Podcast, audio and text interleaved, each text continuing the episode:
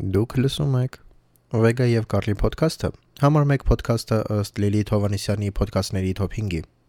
Լալա, լալալա, լալալա, լալալալալա։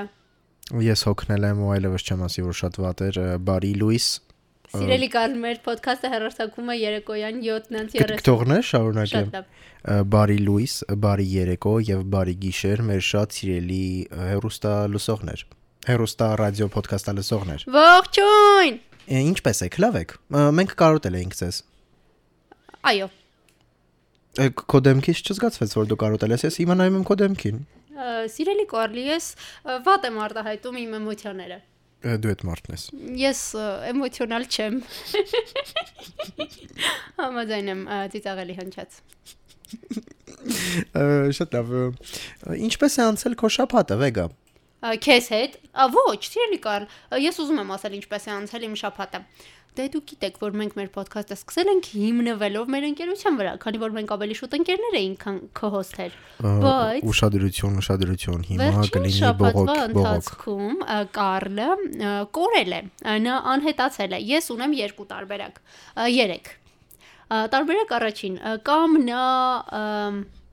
այնքան է տարվել իր նոր ապրելակերպով, ջիմով եւ մնացած ամեն ինչով, որ որոշել է, այո, մարզասրահով, որ որոշել է ը, իգնոր անել իր բոլոր ընկերներին եւ կենտրոնանալ միայն իր եւ իր առողջության վրա։ Դա մի քիչ տանելի տարբերակ է։ Տարբերակ երկրորդ նա ունի ըմ, գաղտնի կյանք, օրինակ սիրուհի եւ չի ուզում, որ իմանանք մենք դրա մասին, չգիտեմ ինչու։ Նա չունի կին, չգիտեմ ինչու է թակում պահուն սիրուհուն եւ տարբերակ երրորդ նա ը, աշխատանքի է անցել ԱԱՑ-ում եւ ը, վնասազերծում է լրտեսներին նա ինքը լրտես է կրկնակի լրտես չգիտեմ այդքանն է դա կամ տարբերակ չորրորդ նա պարզապես վատ ընկեր է եւ իգնոր է անում ինձ ամբողջ չափած դուք խնդրում եմ որոշեք որն է ավելի հավանական եւ գրեք մեզ այդ մասին Կխնդրեմ չգրեք այդ մասին։ Ես հիմա ես ամեն ինչ կասեմ։ շատ լավ Ոսիլի Վեգա։ Ես առավոտյան արթնանում եմ 7-ին, Ա, սարսափելի է գնում եմ մարզասրահ, իու ժամը 9-ին հասնում եմ աշխատանքի վայ վայ վայ եւ աշխատում եմ մինչեւ ժամը 7-ը։ Ու 6-ը։ այո հետո Հետո ես հոգնած գնում եմ տուն, պարկում եմ եւ քնում եմ։ Այսինքն քո առավոտ առավոտվա գրաֆիկում ավելացել է միայն մարզասրահը եւ դա բավական պատճառ է որ դու 6-ից հետո չշփվես քո Իրա ընկերների հետ։ իրականում ոչ, եթե կհիշես այն օրը ես աշխատանքի ժամին քո հետ շփվում էի։ Ա, որովհետեւ ես ինձ վատ էի զգում Դու այո, զանգարեցիր քո լացկան ձայնով։ դե այո ես երբեմն լաց եմ լինում ես սիրում եմ լաց լինել Միգուցե սա պետք չի ասել։ Այ չէ պետք է։ Այո, դու զանգահարեցիր Ա, ինձ։ Կարծում եմ պետք է, որպեսի բոլորը իմանան, որ բոլորս էլ մարդ ենք, բոլորիս կյանքում էլ լինում են դեպրեսիվ շրջաններ եւ բոլորս էլ երբեմն կարիք ենք ունենում մեր էմոցիաները դուրս թողնելու եւ նորմալ է օգնություն խնդրել ընկերներից։ շատ լավ։ հատկապես Եվ- եթե նրանք աշխատանքի են։ Նա ինձ աշխատանքի ժամին զանգահարեց, ես մի 20 րոպե բոլբոլ իր հետ խոսացի եւ դրա պատճառով ես 20 րոպե ավել աշխատեցի այդ օրը ոդկաստ։ Օ, շա- շատ շատ ափսոս։ Դա սուտ է, լավ։ Գուցե վերադառնանք լուրերին, որոնք մարդկանց իրոք հետաքրքրում են եւ կապ չունի մեր անձնական կյանքի։ Եվ իրոք պատկերացնում ես լինի այդպիսի մի մարդ, ով մեզ լսում է լուրերի համար։ Կամ ինչ որ մարդ, որն իր աղջկան ասում է՝ «Սուսիկ ռադիոն միացրու լուրերի ժամն է» եւ լսում եմ։ 17-ից կես, 19-ից կես։ 19-ից կես, այո։ Շատ լավ սիրելի Կարլ, հենց այդ մարդու ա, գեղան պապիկի համար կարդալուրերը։ Իդեպ սիելի Գեղան Պապիկ, եթե հիշում եք, մեր ռադիոյի հասցեն է 103 եւ 8 ու եթե Իհարկե հիշում է սիրելի Կարլը ասում է «Սուսիկ միացրու 103 եւ 8-ը լուրերի ժամն է»։ կամ ասում է Սուսիկ այցելիր նրանց Facebook-ի էջը իմ ռադիո կամ այցելիր նրանց կայքը իմ radio.am եւ գտիր այն լուրերը, որ ես բաց եմ թողել Շատ լավ։ կամ գրիր նրանց մեյլ Vega շնիկ Carl.am էլեկտրոնային հասցեին գրիր, որ ինձ դուր չեկան նախորդ շաբաթվա լուրերը կամ գրիր, որ Կարլին այնքան էլ չեմ հավանում, իմ սիրելի ա, podcast-երը վեգան է։ շատ լավ Շատ լավ։ Սիելի վեգա Այո։ այսօր դու կցանկանաս սկսել լուրեր կարդալը թե ես արի անկեղծ լինենք եւ ասենք, որ այսօր լուրերը հանել ես դու, դրա համար ես շատ անկեղծ եւ ներեցեք ժողովրդական բառիս համար, բայց բեխաբար կսկսեմ կարդալ։ Սկսիր դու։ Վայրի կենթայիների օգտագործումը կրկեսում կարգելվի։ Ներեցեք որ կրկեսում։ Հայաստանի։ Մենք չունենք կրկես, իրելի կար։ Մենք ունենք կրկես, բայց չունենք վայրի կենթանի կարծում եմ։ Ես կարծում եմ մենք չունենք նաև գործող կրկես։ Ինչևէ, Այն գրեթե պատրաստ է։ արդեն տարիներ այն գրեթե պատրաստ է սիրելի կար։ Ինչևէ, ազգային ժողովը երկրորդ ընթերցմամբ եւ ամբողջությամբ ընդունել է կենթանիները ներողություն, ներողություն Գեղամ Պապիկ, եւ ամբողջությամբ ընդունել է կենթանական աշխարհի մասին Հայաստանի Հանրապետության օրենքում փոփոխություններ եւ լրացումներ կատարելու մասին եւ կից ներկայացված օրենքների նախագծերի փաթեթը։ Օրինագիծն ընդունվել է 60 կողմ 27 ձեռնպահ ցայներով։ Նախագծով սահմանվում է, որ կենթանական աշխարհի պաշտպանության նպատակով արգելվում է Հայաստանի Հանրապետությունում լիազորված մարմնի կողմից հաստատված ցանկում ընդգրկված վայրի կենթանական տեսակների օգտագործումը կրկեսներում։ Սիրելի վեգան։ Այո։ Իսկ ինչ եթե ես այսուհետ այսպես կարդամ լուրերը։ Շատ վայրի էր կարդում։ ինձ դուր չեկավ։ Որովհետև ես ուզում էի մտնել դերի մեջ եւ կարդալ այնպես, ինչպես կկարդար պանտերան, որին փորձում են օգտագործել կր- կրկեսում։ Աներեցեք։ Չգիտեմ ինչու եմ այսօր Իհարկե այդպես այսպես։ այդպես էր ցանկանում կարդալ, բայց ստացվեց զեբր, որին ցանկանում են օգտագործել կրկեսում։ Ալեքսը։ Ոչ, Ալեքսը չէր զեբրը, ինչ էր զեբրի անունը։ Մելման, Ոչ, Մելմանը անձուխտներ, սիրելի կար։ Ալեքս Մելման, չեմ հիշում։ Գլորիա չասես։ Գլորիան դե Գլորիան գիտենք։ Ալեքս Մելման, Գլորիա եւ նա զեբրը։ Գուցե հենց զեբրը նայունը։ Ո, Մարտի։ Մարտի։ Մարտի, այո։ Գուցե պետք է վերանայենք Մադագասկարը։ Ոսելի վեգա։ Այո։ Ես շատ տարօրինակ նորություն ունեմ։ Լսում եմ։ Կրկին Հայաստանից։ Շատ լավ։ Մենք իհարկե չեմ կարծում ոդքասթին ասացինք անցած անգամ դա, բայց սույն թվականի մարտի 18-ին Հայաստանի Հանրապետության պետական եկամուտների կոմիտեն հայտարարություն էր տարածել, որ Մոսկվայում կայացած Եվրասիական տնտեսական հանձնաժողովի խորհրդի նիստի ընթացքում ընդունված որոշմամբ ֆիզիկական անձանց կողմից անձնական օգտագործման համար առցանց անմակ սարևտրի շեմը գործող 200 եվրոյի փոխարեն սահմանվել է 100.000 ա, ա, կներեք 1000 Երազանքներից ա, 1000 Տեղի 1000 եվրո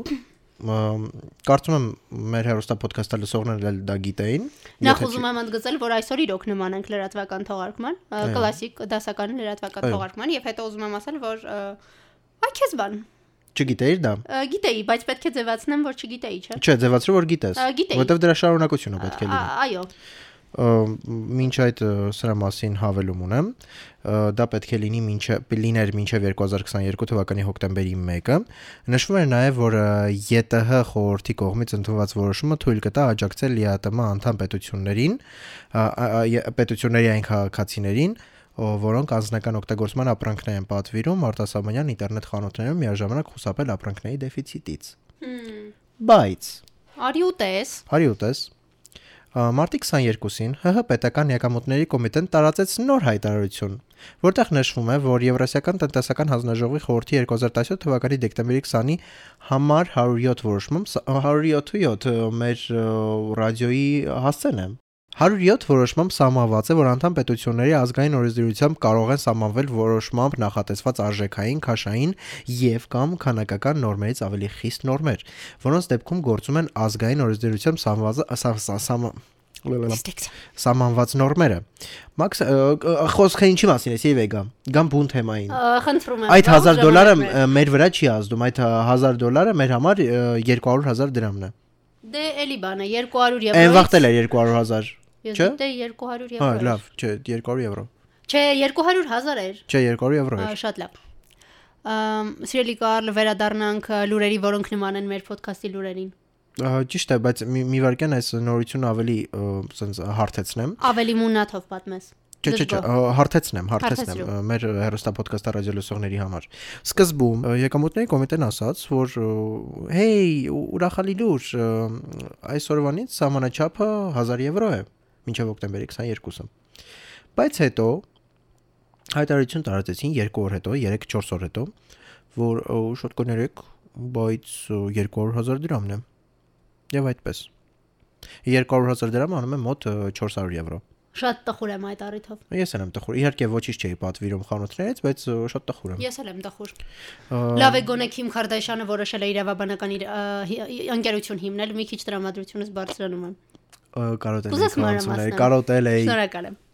Քիմ Քարդաշյանը որոշել է մարտահրավեր նետել աշխարհին։ Նախորդային աստղը Vogue Hong Kong-ին տված հարցազրույցում Սիրում եմ այդ թերթը։ Շատ լավ։ Պատմել է այն մասին, որ կցանկանար հաջող իրավաբանական ընկերություն հիմնել։ Դե ինչպես գիտես, Քիմը արդեն քանի տարի է փորձում է իրավաբան դառնալ, նա սովորում է եւ փորձում է գնալ իր հոր Ռոբերտ Քարդաշյանի հետքերը, որը հայտնի իրավաբան էր, եթե հիշում ես, եւ ավելի հայտնի դարձավ O.J. Սիմփսոնի սկանդալային դեպքից հետո։ Հիշում ես, գիտես, գիտես։ Չգիտեմ։ Դու չգիտես O.J. Սիմփսոնի դեպքը։ Ո Սիմփսոնը դա մուլտֆիլմ է։ Սիրելի կար O.J. Սիմփսոն։ Չգիտեմ։ Շատ լավ, ես քեզ կուղարկեմ Ryan Murphy American Horror Story, չէ, Crime Story, ամերիկյան հանցագործությունների պատմություն սերիալը, որը շատ հետաքրքիր է եւ դու ամեն ինչ կիմանաս Քարդաշյանների, նրանց հոր եւ O.J. Simpson-ի եւ նրա իր կնոջը սպանելու կասկածանքի մասին։ Ուղարկիր դա նաև մեր ոդքասթը լսողներին, խնդրում եմ։ Շատ լավ, Այդ կուղարկեմ։ 5 հոգուն։ Կարծում եմ նրանք նայել են, միայն դու չես նայել, միայն դու չգիտես ով է O.J. Simpson-ը։ Ինչևէ, Քիմը ասել է. Ես երազում եմ մի օր ստեղծել հաջող իրավաբանական ընկերություն։ Ես ոչ մի բանի վրա այդքան ջանասիրաբար չեմ աշխատել, ինչպես իրավագիտության քննությանը նախապատրաստվելու համար։ Ես պետք է շատ ջանասիրաբար սովորեի եւ ամեն ազատ րոպես նվիրեի այդ ամենին։ Ես շատ տարված եմ քրեական արդարադատության բարեփոխմամբ եւ ցանկանում եմ պաշտպանել նրանց, ում իմ կարծիքով սխալ են դատապարտել։ Ի դեպ կատակը մի կողմ, Քիմը իսկապես էլ կարողացել է հասնել նրան, որ մի քանի սխալմամբ դատապարտված դատապարտյալներ ազատ արձակվեն։ Հպարտ եմ։ Այո, ես էլ։ Իրականում այդ մարտիկ տվել են տարբեր տեղեր հարցազրույցներ եւ իրոք իրեն շնորհակալությունն են հայտնել Քիմին, որովհետեւ իսկապես նա մարդկանց կյանքեր է փրկել։ Քարտաշյանի խոսքով ինքը երկար տարիներ ցանկանում էր իրավաբան դառնալ, ավելի վաղ երբ ինձ հարցնում էին թե ինչով կզբաղվեի շոուում նկարահանումների փոխարեն, ես միշտ ասել եմ, որ կուզեի լինել քննիչ կամ իրավաբան։ Այո։ Այս ոլորտում աշխատանքն ինձ ստիպեց ավելի մոտ զգալ իմ հորը, այն գիտակցությունը, որ ես օգնում եմ մարդկանց, օրվա վերջում ինձ մեծ հաճույք է պատճառում։ Այո։ Ա, Շոկի մեջ եմ։ ը, Քիմը կարողանում այդպիսի լավ բաներ անել։ Չգիտեմ։ Սիրելի Կարլո, նա շատ հաճախ է բարձրաձայնում իր հարթակներում կարևոր թեմաներ, անդրադառնում է տարբեր անարթարությունների, չգիտեմ, օրինակ Արցախյան պատերազմի ժամանակ էլ նա հաճախ բարձրաձայնում էր այդ թեման եւ ի վերջո հիշենք, որ նա բազմիցս փորձում է ուշադրություն հրավիրել նաեւ մեր երկրի խնդիրների վրա։ Իսկական հայուհի։ Այո։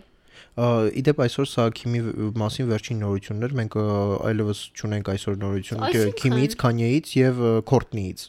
Բայց մենք քորտի Կներես 3 3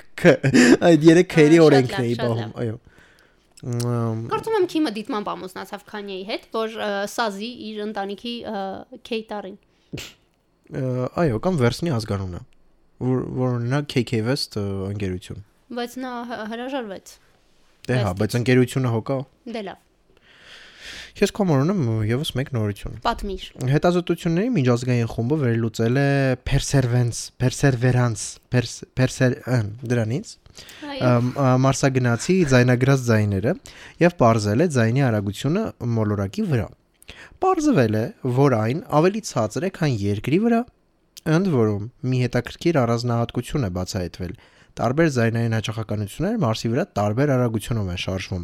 Եթե գաղութաբնակիչներ երբևէ հաստատվեն այնտեղ, նրանց համար դժվար կլինի շփվելը։ Այ քեզ բան, այսինքն անկախ նրանից թե ինչ արագությամբ եմ խոսում, կորոշվի իմ ձայնը որքան բարձր է հնչում։ Պատկերացնում ես պարզվի, Որքան որ բարձր չէ, քո ձայնը ավելի ուշ է ինձ հասնելու ու ինչքան քո ինտոնացիան տարբերվի, այդքան էլ ավելի ուշ է հասնելու։ մենք նման կլինենք կետերի մարսում։ Եթե դու այսպես խոսաս, քո ձայնը մի քիչ արագ կհասնի, բայց եթե այսպես խոսաս, քո ձայնը մի քիչ կարող է դանդաղ հասնել։ Սիրելի Կարլ, պարզ պատկերացնում ես ինչ ծիծաղելի կլինի, եթե պարզվի, որ մարսում ես դանդաղախոսամ եւ ցածրախոս։ Ես կկորցնեմ իմ բրենդը։ Ես թերևս հրաժարվեմ, չեմ Իսկ գալիս ես քեզ թե հետ ես թերևս կապրեմ Մարսում հանգիստ հանգիստ կյանքով։ Մենք նման կլինենք, գիտես ում, երկու մի փոքր խուլտատիկի, որի իրար հետ խոսում են։ Սիրելի Կարլ, դու նայել էիր մեծ պայթյունի տեսությունը սերիալը։ Այո։ Հիշում ես, երբ այնտեղ գլխավոր հերոսը Շելդոնը ամուսնանալիս է լինում եւ նրա լավագույն ընկեր Լենարդը ասում է. «Այսօրվանից դու պաշտոնապես քո կնոջ խնդրեմն ես, քո կնոջ խնդիրը»։ Հիշում եմ, բայց միգուցե դա չի հիշել մեր ոդքասթը Կապ չունի, լեզվողները։ նրանք կդիտեն։ Դա աշխարհի լավագույն սիտկոմն է, դու դուք դա պետք է դիտեք, անպայման դիտեք լավագույն սիտկոմը աշխարհում։ Ինչևէ, ինչը պատկան պատասխանում Շելդենը, Ինչ։ ասում է ես ասում եմ մի հիմարացիր Լենարդ, ես միշտ կլինեմ քո խնդիրը։ Դու կգնաս Մարս, սիրելի Կարլ, ես քո հետևից կգամ Մարս։ Դու չես կարող փախչել։ Ահա որը։ Ներիր։ Փնտրում եմ նոր ընկերով չի գա իմ հետևից։ Ես կգամ քո եւ քո նոր ընկերոջ հետևից, սիրելի Կարլ։ Ասեմ ավելին, եթե նա չգա քո հետևից, ես միևնույն է կգամ քո հետևից, արդյունքում կստացվի, որ նոր ընկերը լրիվանի մաստեր, որովհետեւ նա միևնույն է չգավ քո հետևից, իսկ ես եկա։ Օ, ճիշտ է։ Դու փոքրինչ խելացի ես։ Դե, Թող թող շարունակեմ։ Շատ լավ։ NAS NASA-ի ռեակտիվ շարժման լաբորատորիայի կողմից պատրաստված ը, Perser Սիրելի Կարլ, ես հարց ունեմ, իսկ ով է վերցնելու կշարքը։ Ես իմը վերցնեմ, թե դու քոնը կվերցնես։ Մարս գնալուց։ Ա, Որ կշռվենք։ Արի չկշռվենք Մարսում։ Ա, Շատ լավ։ Perseverance դեզերանավը Մարսի վրա վարեջք է կատարել ընդամենը 1 տարի առաջ 2021 թվականի փետրվարին եւ այդ ժամանակա ժամանակվանից ի վեր ուսումնասիրում է մոլորակի մակերեսը Եզերո խառնարանի տարածքում։ Եզերո Եզերո։ Եզերո խառնարանի եզրին։ Գուցե քեզ տուն գնենք հենց Եզերոյի կողքին, ափին մոտ։ Կներես կարծում եմ այնտեղ արդեն տները գնված են։ Այո։ Առաջին անգամ մարսագնացների գործիքները երկու խոսափող էր ներառում, այնպես որ ինչու են այսքան անունը շատ գրել perseverance կայքում կարելի է լսել թե ինչ է հնչում կարմիր մոլորակի վրա։ Հաշվարկները ցույց են տվել, որ այս մոլորակի վրա ձայնը տարածում է 240 մետր վարկյան արագությամբ, երկրի վրա օդում ձայնի արագությունը մոտ 335 մետր վարկյան է։ Պատկերացնում ես, մոտ 100 մետր վարկյան ը, ավելի դանդաղ է։ Հետազոտությունները նաև ողջել են, որ ձայնի տարբեր հաճախականություններ, տարբեր սա այն է, ինչ որ ես քեզ ասացի, ես սպոյլ արեցի։ Ը, Տարբեր հաճախականություններ տարբեր արագությունով են անցնում 400 Հz-ից բարձր արագությունը մեծանում է մոտ 10 մետր վարկյանով դա նշանակում է որ Մարսի վրա խոսելը հեշտ չի լինի քանի որ խոսքի առանձին հնչյունները տարբեր ժամանակներում կհասնեն ունկնդրի ականջին դժվարացնելով դրանց ընկալումը SpaceX-ի գործադիր տնօրեն Իլոն Մասկի կանխատեսմամբ առաջին տիեզերագնացները կկարողանան վայրեժ կատարել Մարսի վրա 2029 թվականին եւ նրանք այնտեղ կթռնեն իհարկե նոր սերնդի Starship հրթիռով, որը մշակվում է նրա ընկերության կողմից։ Սիրելի Կարլ, ես նոր մոռացա, նոր հիշեցի։ Բայց ախր մենք երկուսս էլ հիանալի տիրապետում ենք աուդիո մոնտաժի։ Ես ինձ հետ կվերեմ իմ համակարգիչը, արագ հերցերը կկարգավորեմ ինչ որ ունեմ ասելու, նոր play կտամ դու կլսես։ Սիլվեգա, Ինչ։ եթե այդքան լավ ես հիշում, հիշիր, որ մենք գումար չունենք եւ չենք կարող գնալ Մարս։ Ինչպես թե, բայց ես կարծում եի թե Իլոնի կողքի տունը կվերցնենք քեզ համար, ես էլ մի փոքր հեռու կապրեմ։ Կներես միշտ այդպես մենք պատկերացնում ենք, բայց գումարը չի բավարարում։ Այ քեզ բան։ Այո, ինչպես նաև անջատիր քո հեռախոսի ֆանարիկը։ Ես ուզում եմ լավ տեսնել քեզ։ Ինչև է սիրելի Կարլ։ Եթե հաջո մենք չենք կարող գնալ Մարս, գուցե գնանք Վենետիկ։ Սիլվեգա լավ անցում էր, բայց ես եմ։ գնայես նորությունը կարդալ։ Դու ես ուզում կարդալ Վենետիկի մասին Չէ, լավ դու կարդա, ես Լավ, կարդա։ շատ լավն է, շատ Կարդա, լավն է։ կարդա, դե լավ, ես թույլ եմ տալիս դու կարդա։ Այն այն ծիծաղելի է։ Կարդա։ Վենետիկի հյուրանոցների ասոցիացիան ասոցիացիա ասոցիա ասոցիացիան ասոցիացիա աս- Գուցե ամեն դեպքում ես կարդա։ դու կարդա։ Շատ լավ։ Սիրելի Կարլ, գիտես ինչու էի առաջարկում, որ գնանք Վենետիկ։ Ինչու։ Որովհետև Վենետիկի հյուրանոցների ասոցիացիան պլաններ է մշակում ագրեսիվ եւ հոգնեցնող ճայերի դեմ պայքարելու համար։ Իսկ դու ճայերին չես սիրում։ Ես ատում եմ ջոյը։ Ատում ես ճայերին։ Թե որոշ հյուրանոցների սեփականատերեր արդեն գործն իրեն ձեռքն են վերցրել եւ հյուրերին ջրային ատրճանակներով են զինել թրջուններին ցրելով։ Մի հանի Կներես նման ջայի ձայն ձայն էի հանում։ Ջայի Ջայերի ներկայությունը հայտնի քաղաքում վերջին մի քանի տարիներին ավելի ու ավելի խնդրահարույց է դարձել։ Վերջերս թրջուններից մեկը զբոսաշրջիկներից պաղպաղակ էր խլել, երբ նա քայլում էր Սան Մարկո հրապարակով։ Երեք իմ շունը իմ ձեռքից խլեց մի ահռելի ա, հավի կրծքամիս։ Գուցե ես էլ ա, ջրային ատրճանակ պահեմ։ Հավի կրտ ինձ պետք է հավի կրծքամիս։ Այնքան Ես սպարակում եմ, ինձ հավի կրծքամիս է պետք։ Ամենալավ կտորներ։ Ես այսպես վերցրեցի ուզում էի ուտել, ձեռքս տարասեղանի եզրին, այդ սրիկապուտավորը թռավ եւ մի բերան արեց հավի կրծքամիսը։ Եթե չհասկացաք վեգայի շունը սև բուտիկներով է, դրա համար էլ պուտավոր։ Կան կասկածներ, որ նա ա, երկարա, երկարամաս դոլմոտինեց է։ Դոլմոտին, չգիտեմ ինչպես է հնչում։ Ինչևէ, թեև տեսարանը զվարճալի էր, Վենետիկի հյուրանոցատերերի ասոցիացիան հոգնել էր դրանից եւ սեմինար էր կազմակերպել քննարկելու համար, թե ինչպես կարելի է վախեցնել կողոպտիչ թռչունների։ Ես ուզում եմ ներկա լինել այս սեմինար։ Հետաքրքիր է պրեզենտացիաներ եղել են այդ սեմինարի ընթացքում։ ճայերի նկարներով եւ Այո, եւ նրանց դեմ պայքարի միջոցներով։ Քննարկվող լուծումները ներառում են վանումը հատուկ ակուստիկ համակարգի կամ տհաճ հոտերի միջոցով մարդկանց կողմից չզգացվող։ Երկու հյուրանոցից Gritty Palace-ը եւ Hotel Monaco and Grand And- Չգիտեմ կանալ բառը ինչպես արտասանեմ անգլերեն։ կանալ։ Կանալ։ Ինչևէ, այժմ հյուրերին նարնջագույն ջրային ատրճանակներ են նվիրում, երբ նրանց ասացին, որ ճայերն այդ գույնը չեն սիրում։ Այսինքն, ա, բա էլ ինչու է ջրային։ Ես կարծում եի թե ջրում են ճա- ճայերին։ Նաեւ ջրում են։ Շատ լավ։ Ատրճանակները տեսնելուն պես նրանք հեռու են թռնում, ասել է Պաոլո Լորենցինին Gritty Palace հյուրանոցից։ Նույնիսկ պետք չէ օգտագործել դրանք, պարզապես պետք է թողնել սեղանի վրա։ Սիրելի Կարլ, տեսար պետք չէ օգտագործել։ Ինչու են տալիս ջրային ատրճանակ։ Փոխարենը տվեք նարնջագույն սփռոցներ փռեք Կամ սեղանին։ նարնջագույն տուֆ։ Տուֆ, սիրելի Կարլ։ Արի սփռոց թող փռեն սեղանին։ Լավ, դա։ Իսկ քեզնից երբևէ ճայը սնունդ գողացել է Սևանում։ Չէ, բայց դու ես Այն ինձ սեմոյի մոտ, գողացել սնունդ։ սեմոյի մոտ։ Երբ նստում ես ամռանը եւ ճանճեր են գալիս, ճայը քո հացը գողացել է։ Ես երբեք չեմ եղել սեմոյի մոտ։ Այ քեզ բան։ Այ քեզ։ Շատ լավ։ Դու ինչու ինչու դու ցրեցիր։ Ես ասացի որ դու ես ինձ արես գողացել սնունդը փոքրիկ ջայ։ Երբ եմ գողացել, ես չեմ փոքրիկ, հիշում թմբլիկ ջայ։ Երբ եմ գողացել։ Եթե դու խոսում ես այն անգամների մասին, երբ հաշիվը դու ես քարտով փակել, իսկ ես հետո ձևացրել եմ, թե մոռացել եմ եւ իմ բաժինը չեմ փոխանցել։ Քեզ դա Ոչ, գողություն դու չէ։ իմ ուտելիքից ես կերել բազմիցս։ Այն անգամը, երբ այն փոքրիկ շոկոլադը կրվեցին, կրվեցին, խլեցին իրարից, բայց միևնույն է դու կերար այն Ոչ, սրճարանը։ ես հիշում եմ որ դու ինձանից ուտելիք ես կերել։ Սիրելի Կարլ, դու շատ հիշաչար ես։ Ա, Ոչ, գիտես ով է հիշաչար։ Ո՞վ։ ԱՄՆ նախկին նախագահ Դոնալդ Թրամփը հայց է ներկայացրել Հիլարի Քլինթի եւ դեմոկրատական կուսակցության նախագահ Հիլարի Քլինթի, սիրելի Կարլ։ Ո՞վ է Հիլարի Քլինթը։ Քլի- Հիլարի Քլինթոնի մորակրոջ աղջիկը։ Շատ լավ։ Այո, Հիլարի Քլինթոնի դեմ ը, եւ դեմոկ- դեմոկրատական կուսակցության ազգային կոմիտեի դեմ մեղադրելով 2016 թվականի նախընտրական արշավի ժամանակ իրեն վնաս հասցնելու եւ վիրավորելու մեջ։ Այ քեզ բան։ Պատկերացնում ես։ Դա նման է նրան, որ դու հիմա հիշեցիր, որ ես 2018-ի վերջին քեզնից ուտելիք եմ գողացել։ Այո, ես շատ լավ եմ հիշում այդ օրը։ Արևոտ օրեր։ Սիրելի կար 2018-ի վերջը ամենայն հավանականությամբ դեկտեմբեր էր։ Այո, շատ արևոտ օրեր։ Շատ լավ, շատ լավ։ Այո, հայցում նշում է, որ Քլինթոնը եւ դեմոկրատ դեմոկրատ դեմոկրատական ազգային կո- Դիսլեքսիա։ Դե կներեք, ես հիմա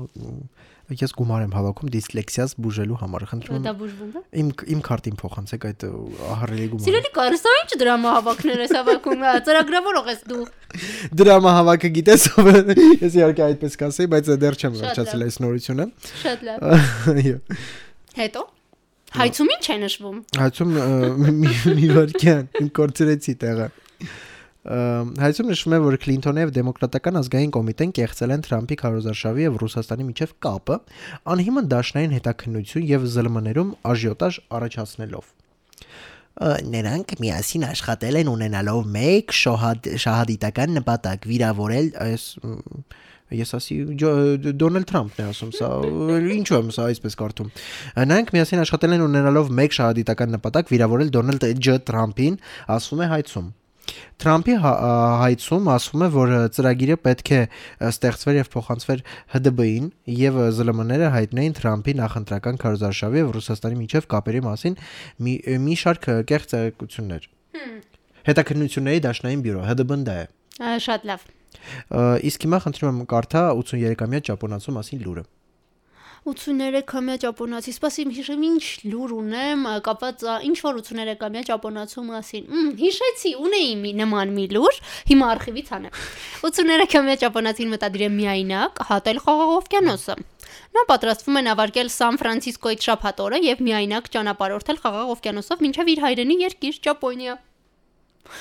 Կենիչի Հորին, որը նաև հայտնի է որպես Ճապոնիայի ամենահայտնի զբոսանավորդ, դարձել է առաջին մարդը, որը 1962 թվականին առանց դադարի միայնակ հատել է Խաղաղ օվկիանոսը։ Այդ ժամանակ նա 23-ամյա սիրողական նավաստի էր։ Հորին մեկնել է Օսակայից եւ 94 օր նավարկել, ապրելով պահածոներով եւ բրնձով, մինչեւ Սան Ֆրանցիսկո ժամանելը։ Սան Ֆրանցիսկո ժամանելուն պես հորին կարճ ժամանակով ձերբակալվել է, քանի որ ճանապարհորդում էր առանց անձնագրի եւ փողի։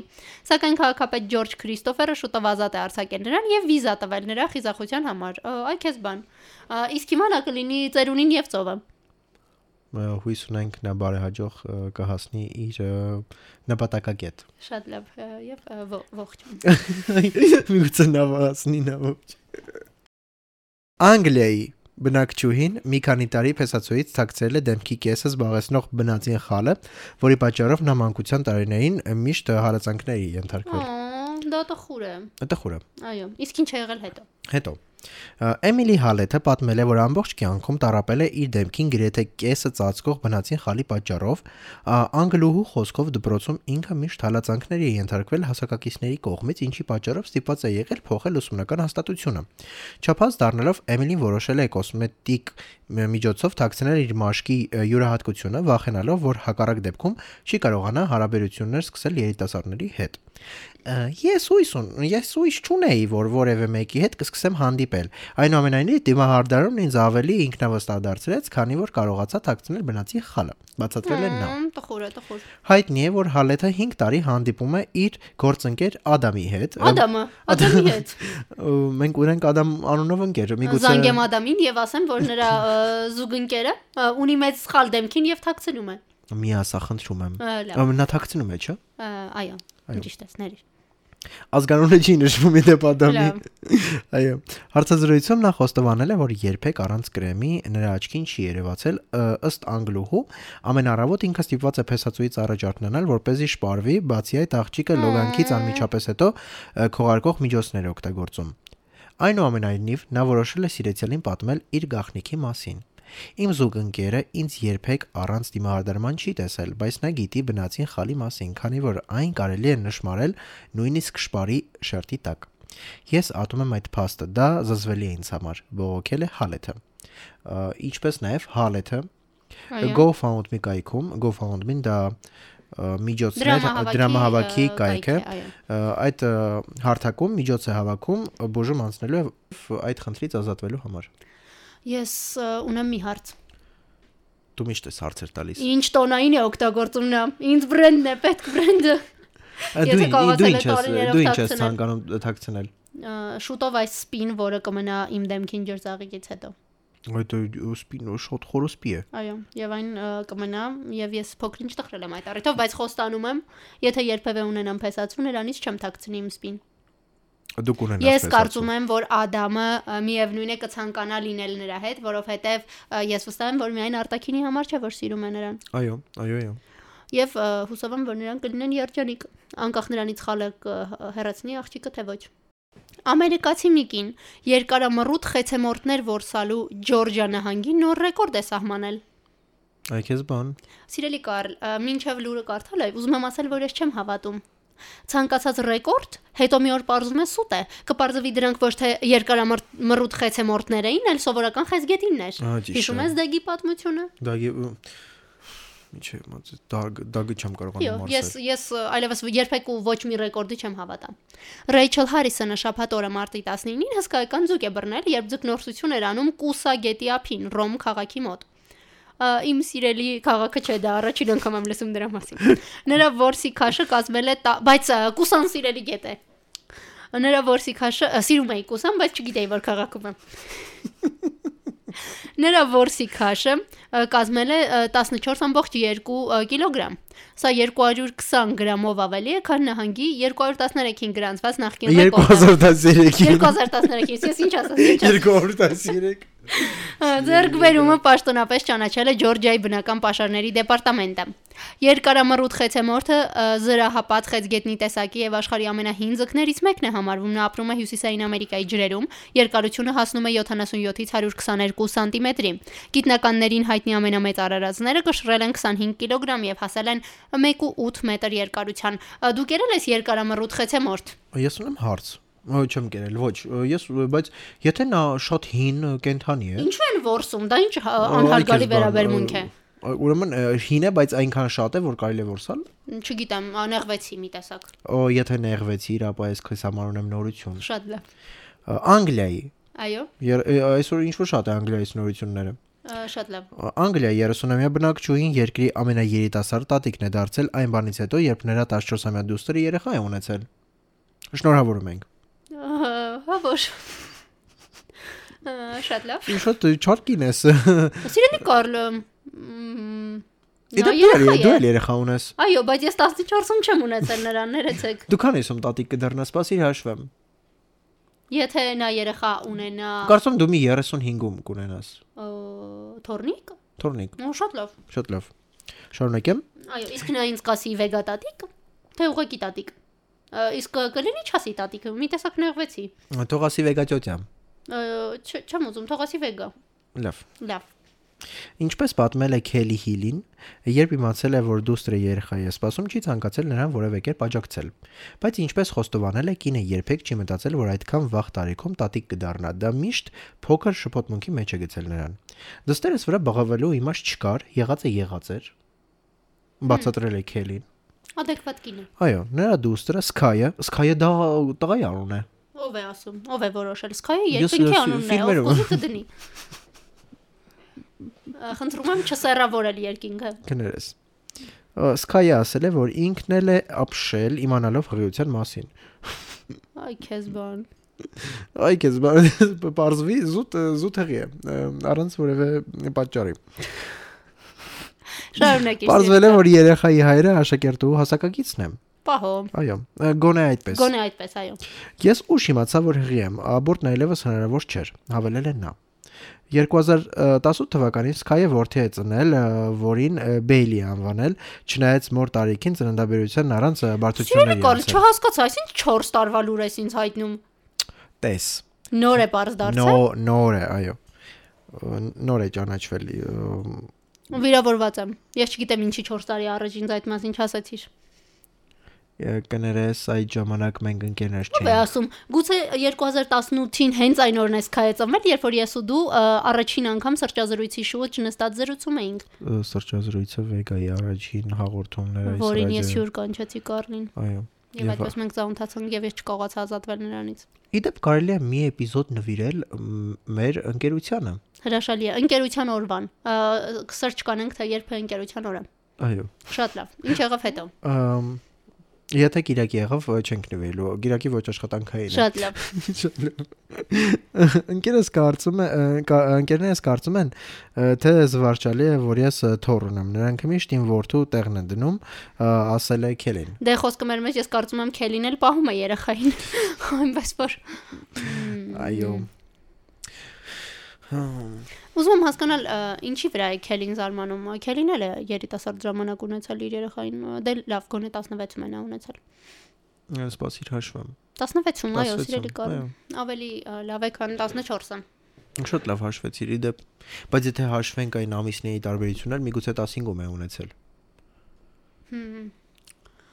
Դա մտածելու տեղիք է տալիս։ Տեսնես հայրը մասնակցում է երեխայի դաստիարակությանը։ Ա, Տեսնես հայրը դաստիարակված երեխայը։ Սենց ասեմ, թող դասեր անի նոր դասիրակի երեխային։ սիրելի ընկերներ։ սիրելի Կարլ, շատ երկար էր այս ոդքասթը։ Շատ հաճելի ոդքասթ էր։ Համաձայն եմ, ինձ դուր եկավ։ Այ երկար ինչպես քո լեզուն։ Գնես, Սիրելի այ- այսօր քեզ չէի շատ գծել։ ը, տատիկական ը, արտահայտություն էր, չհավանեցի։ Մենք մենք այսօր չենք կրվել։ Մենք ինչը ինչը սկսել եմ գնալ մարզասրահ, քիչ ենք շփվում, քիչ ենք կրվում։ Բայց մենք փոքրիկ կոնֆլիկտիկ ունեցել ենք վերևում։ Դա որ Երբ ես կոնֆլիկտ ասացի խնդրում եմ Wi-Fi տուր ինձ, դու ասացիր ոչ, ես ասացի տուր, դու ասացիր ոչ, ես ասացի տուր, դու ասացիր ոչ, հետո դու Ես ասացիր ը, տուր թե կտած տվեցի։ Եվ հետո դու ասացիր, որ ինձ դուր չի գալիս այդ երգը, որով ես 6-րդ անգամ նկարահանում էի վիդեո։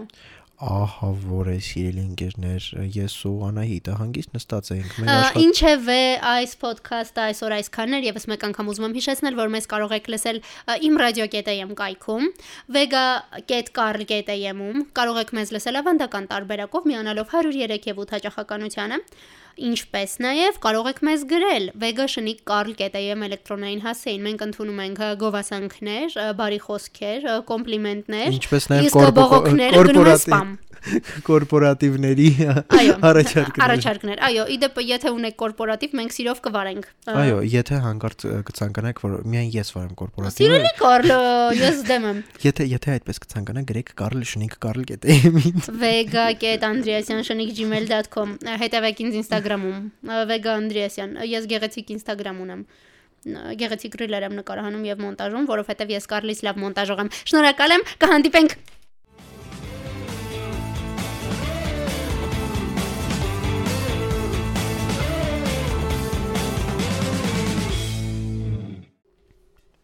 Սիրլի Վեգա,